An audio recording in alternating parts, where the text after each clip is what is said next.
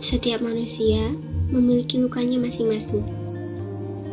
Luka yang menurut kita mudah, belum tentu menurut orang lain mudah. Jadi, jangan pernah membanding-bandingkan luka yang kita miliki dengan luka yang orang lain miliki. Lantas, kenapa Allah hadirkan luka di hidup kita? Luka dihadirkan Allah sebagai sarana bertumbuh dan sarana pendewasaan kita.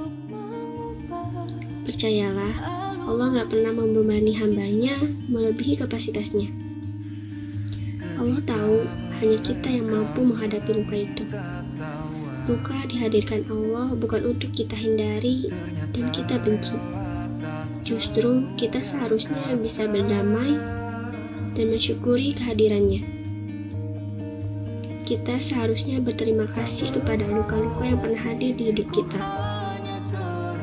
Kenapa? Karena tanpa kita sadari, lukalah yang bisa membuat kita bertumbuh. Dengan begitu, perlahan-lahan kita akan dapat memaknai bahwa luka adalah pesan cintanya yang paling bijaksana.